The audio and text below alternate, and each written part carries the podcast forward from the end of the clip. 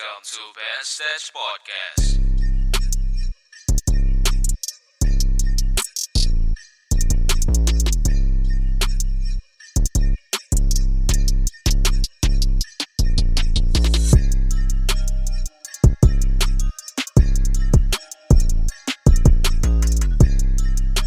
Assalamualaikum warahmatullahi wabarakatuh. So welcome back everybody to Ben Stage Podcast. Podcast yang tentunya akan menemani kalian membahas tentang self development, isu-isu anak muda dan juga personal management. Nah, kali ini kita udah sampai ke episode 43 di mana episode kali ini masih kita bahas tentang investasi nih, tapi bukan masuk ke dalam investasinya tetapi kita jangan buru-buru dulu nih, apalagi pemula untuk masuk ke dalam dunia investasi tanpa mengetahui beberapa hal ini.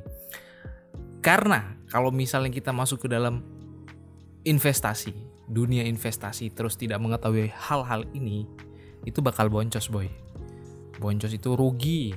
Jadi apa yang kita niatkan baik tidak berlanjut. Nah, karena kita pernah nggak sih ngerasain banyak banget sekarang itu anak muda terutama ya main investasi misalnya tuh banyak banget main saham. Kapan itu tren bisa muncul ya akhir-akhir ini? Setelah dipikir-pikir, kalau menurut saya itu mulai dari iklan Kodomo. Ini di di sensor ya namanya, iklan Kodomo. Ingat gak iklan Kodomo yang ada ada mas-mas dengan rambut yang semi emo gitu. Terus ada cewek-cewek apa mungkin cewek Rusia kali ya. Terus dia ngomong gini jutaan orang bahkan tidak menyadari bahwa mereka bisa menghasilkan 1000 US dollar sehari tanpa meninggalkan rumah. Udah inget? ya benar. Dia tuh Mas Budi Setiawan karena iklan kodomonya itu itu jadi meme dan kita pun sedikit tahu akhirnya gimana cara mendapatkan uang yang cepat selain dari ngepet. Tetapi tentunya mencari uang dengan cepat tanpa bekerja adalah mustahil, mustahil. Tapi kita nggak bakal bahas kodomonya tadi, tetapi kita bahas sesuai dengan judul kita episode kali ini, yaitu kita jangan buru-buru dulu dalam investasi. Misalnya kita melihat teman upload di sosial media eh grafiknya hijau misalnya. Atau dia untung berapa juta gitu, jadi pengen ikutan main saham. Eh pas terjun malah boncos. Malah ngomel-ngomel. Nah, itu berarti kamu belum mempersiapkan beberapa hal ini. Jadi sebelum kita masuk kepada intinya, mungkin teman-teman di sini yang belum tahu mengenai investasi, investasi itu adalah sebuah aktivitas menyimpan atau menempatkan dana pada periode tertentu dengan harapan penyimpanan tersebut akan menimbulkan keuntungan atau peningkatan nilai investasi. Kurang lebih itu mirip dengan bank, meskipun tidak sama tetapi kurang lebih gambarannya mirip.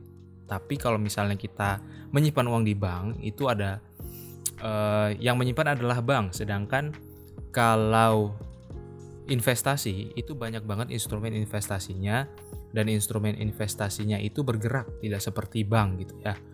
Dan juga memiliki keuntungan yang lebih besar daripada bank, tetapi resikonya juga besar. Nah, kira-kira nih hal apa saja yang perlu diperhatikan oleh kita teman-teman gitu ya? Yang kita harus siapkan terlebih dahulu. Yang pertama, itu adalah sehat secara finansial. Sehat secara finansial itu kamu harus memperhatikan, terus mengevaluasi ketika kamu gajian gitu ya mengevaluasi kondisi keuanganmu. Apakah cash flow keuanganmu itu sudah positif ataukah belum? Secara sederhana, kalau misalnya sehat secara finansial gitu ya, itu uang yang masuk lebih banyak daripada uang yang keluar. Tetapi kalau uang yang masuk itu lebih sedikit dari pengeluaran, itu sudah nggak sehat secara finansial. Jadi kita harus mengevaluasi apakah kondisi finansial kita ini udah stabil, kemudian memiliki cash flow yang positif gitu ya, dan tidak memiliki hutang ataupun hal lainnya, misalnya kasbon di kantor dan lain sebagainya gitu. Jangan sampai kamu memaksakan diri untuk investasi tapi keuanganmu belum stabil atau malah seret boy. Itu kamu investasi itu kan menggunakan uang-uang yang tidak digunakan lagi gitu. Tapi kalau udah seret terus paksakan investasi, udah pasti investasinya nggak bakal continue gitu ya. Jadi cek dulu kesehatan finansial Anda selain kesehatan kondisi fisik Anda gitu ya. Cia. Kemudian yang kedua nih, memiliki tabungan. Kenapa meskipun kita main saham, kita harus punya tabungan? Karena kalau menurut saya pribadi ya, tabungan itu sifatnya sangat liquid banget. Jadi cocok banget buat pegangan kita misalnya kita butuh sesuatu atau ingin memiliki sesuatu, kita tinggal mengandalkan tabungan aja nih. Nah, besaran tabungan pun itu tergantung kepada masing-masing kita. Karena beberapa dari kita mungkin dengan tabungan yang harga eh tabungan kok harga sih. Tabungan sebesar 5 juta misalnya. Oh, kita sudah merasa aman. Jadi kita punya pegangan 5 juta. Ada orang yang mungkin harus 50 juta baru dia merasa aman gitu kan. Nah, itu bebas, bebas berdasarkan uh, kebutuhan teman-teman dan uh, menurut teman-teman itu sekiranya berapa. Dan yang penting itu memang kita harus memiliki tabungan karena ada beberapa hal yang mungkin kita tidak bisa kendalikan. Contoh misalnya teman-teman pada saat waktunya sudah harus gajian itu tertunda entah karena problem di kantor atau mungkin ada problem jaringan atau mungkin ada sesuatu yang mengganggu proses tersebut jadi gaji telat masuk atau butuh hal-hal lain yang bersifat mendadak. Nah, itu tabungan harus teman-teman miliki karena ketika kita memasukkan uang ke dalam dunia investasi dia tidak seliquid uh, tabungan. Kalau tabungan kan kita pegang, kita pergi ke ATM, kita tarik jadi gitu kan. Kalau investasi itu memang kita masuk cepet, kurang lebih 3-2 hari. Tapi kalau kita ngambil juga kurang lebih diproses 2-3 hari juga. Jadi memang liquid tapi lebih liquid lagi tabungan gitu ya. Jadi itu poin kedua tadi.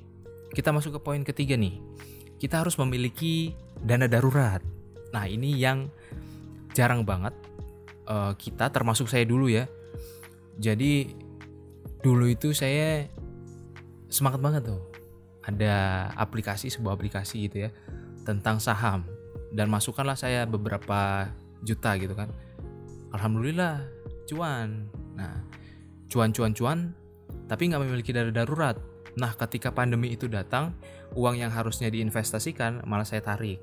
Jadi investasinya mandek nggak lanjut Nah, itu karena kesalahan saya tidak memiliki dana darurat. Nah, sebenarnya dana darurat ini secara prinsip itu sama dengan tabungan.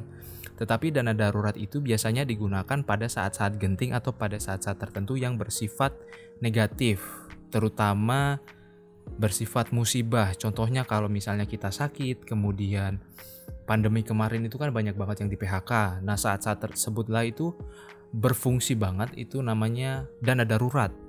Ataupun mungkin kecelakaan tapi nauzubillah min zalik kita dijauhkan dari hal-hal tersebut. Tetapi dana darurat itu memang harus dipersiapkan. Karena kita nggak tahu ke depannya gimana gitu kan. Nah saya ngambil uh, sebuah artikel dari halaman internet OI tanda seru jadi OI ini semacam uh, apa ya alat pembayaran gitu ya alat pembayaran digital. Nah menurut artikel OI ini, jadi bagi yang single, kita yang masih single gitu, dana darurat yang harus dimiliki itu minimal 3 bulan biaya hidup. Contoh misalnya, teman-teman memiliki gaji sekitar 4 jutaan. Nah, kemudian biaya hidupnya mungkin 2 juta sampai dua setengah. Nah, dua setengah itu yang dikali 3. Berarti teman-teman kalau masih single dengan gaji 4 juta dengan pengeluaran bulanan rutin dua setengah juta berarti dua setengah kali tiga kurang lebih dana darurat teman-teman tujuh setengah gitu kan. Kalau yang sudah menikah tetapi belum memiliki anak nah itu idealnya dana daruratnya sebesar enam bulan biaya hidup. Nah jadi tinggal dikali enam. Dan keluarga yang sudah memiliki anak idealnya itu minimal memiliki dana darurat sebesar 12 bulan atau satu tahun biaya hidup. Nah, kalau kita lihat seperti ini, ada banyak ini ya maksudnya pandangan juga tetapi kondisi setiap orang itu berbeda-beda Jadi jangan terlalu berpatokan pada artikel ini, tetapi yang jelas adalah biaya hidup seharusnya di bawah penghasilan. Kalau misalnya biaya hidup nggak di bawah penghasilan, gimana kita mau nabung gitu kan ya? Nah itu dia, dana darurat sangat penting. Kemudian yang terakhir, ada kita harus memiliki ilmu atau mempelajari tentang semua instrumen investasi. Jadi sebelum kita terjun dalam dunia investasi, kita pelajari dulu tuh kulit-kulitnya mengenai investasi itu apa, kemudian instrumennya apa, resikonya apa, dan lain sebagainya. Karena investasi itu hanya cara kita mendapatkan keuntungan. Namun ketika kita memutuskan untuk berinvestasi, nah itu ada banyak banget uh, instrumen investasi dengan berbagai macam uh, uh, hal positif dan negatifnya. Contohnya misalnya instrumen investasi itu yang dikenal ya, dikenal yang pertama properti, itu bisa rumah, kemudian bisa gedung, bisa ya kebanyakan rumah sih, rumah real estate dan lain sebagainya. Kemudian ada emas, kemudian ada saham, kemudian ada reksadana, kemudian ada obligasi dan juga pasar uang serta lain-lain. Di mana masing-masing instrumen tersebut itu memiliki resiko yang tentunya berbeda-beda gitu ya. Nah, insya Allah kalau misalnya kita ada waktu, kita ada kesempatan, kita akan bahas instrumen investasi aja, eh investasi apa aja yang cocok buat pemula gitu. Jadi ada, memang ada beberapa instrumen investasi yang di mana cocok untuk pemula, di mana pemula itu kalau sudah jago bisa naik level ke level yang lebih tinggi gitu. Oke, kita lanjut ya. Nah, selain mempelajari instrumen investasi di atas, kamu juga harus mengetahui karakter atau kemampuan kita. Karakter atau kemampuan kita itu maksudnya kita ini mampu menghasilkan berapa uang sebulan, kemudian dipotong dengan misalnya kebutuhan kita, kemudian dipotong dengan hobi dan lain sebagainya. Pokoknya uang yang sekiranya kita tidak tahu nih, kita mau alirkan uang ini tuh di mana Nah, itu kita bisa melihat kemampuan kita. Dan juga yang tidak kalah penting adalah risk tolerance, yaitu toleransi terhadap resiko dalam investasi. Contoh nih, misalnya kamu harus membeli, kalau saham itu kan belinya per lot ya. Nah, satu lot itu 100 lembar saham. Nah, dengan harga per lembar saham itu bermacam-macam. Ada yang dari ratusan perak sampai puluhan ribu. Nah, itu tinggal dikalikan aja. Contoh misalnya teman-teman beli saham gitu ya dengan satu lot. Nah, satu lot 100 lembar dengan harga satu lembarnya 500 berarti kalau kita beli satu lot itu 50.000. Nah, berarti teman-teman sudah memiliki satu lot. Nah, ketika kamu memiliki penghasilan yang cukup besar gitu ya. Saya rasa saham itu cocok banget buat kalian karena memiliki high return yang tinggi gitu. Tetapi kalau kamu tidak bisa menahan diri ketika saham itu dia anjlok, nah seperti kondisi pandemi kemarin, kamu jadi stres, itu saham nggak cocok. Berarti risk tolerance kamu itu rendah. Dalam artian kamu nggak bisa menoleransi resiko-resiko itu gitu. Nah, jadi sesuaikan kemampuan dan satu lagi jangan lupa untuk menentukan tujuan kamu berinvestasi. Nah, jadi seperti kamu mau investasi itu untuk apa? Misalnya tabungan 10 tahun kah atau pensiun kah, biaya nikah atau biaya pendidikan anak dan lain sebagainya itu harus jelas. Karena investasi itu sejatinya kita menentukan waktunya. Kalau bank itu kan kita tidak menentukan waktunya. Pokoknya kita ada uang kita tabung kita tabung kita tabung. Nah sedangkan investasi itu memang bagus banget jangka panjang tetapi kita juga harus tahu uh, fungsinya apa gitu. Jadi ketika sudah sampai pada waktunya kita bisa menarik uang yang kita investasikan itu. Nah saya rasa itu aja. Jadi kita coba rangkum dari yang pertama yaitu teman-teman harus memiliki finansial yang sehat atau cash flow yang positif agar tidak boncos gitu ya. Kemudian yang kedua, memiliki tabungan. Yang ketiga, memiliki dana darurat. Kemudian yang keempat, pelajari semua instrumen investasi. Jadi teman-teman bisa ngerasain instrumen investasi apa yang cocok, yang sesuai dengan risk tolerance kalian, biar tidak stres, biar tidak mati tempo.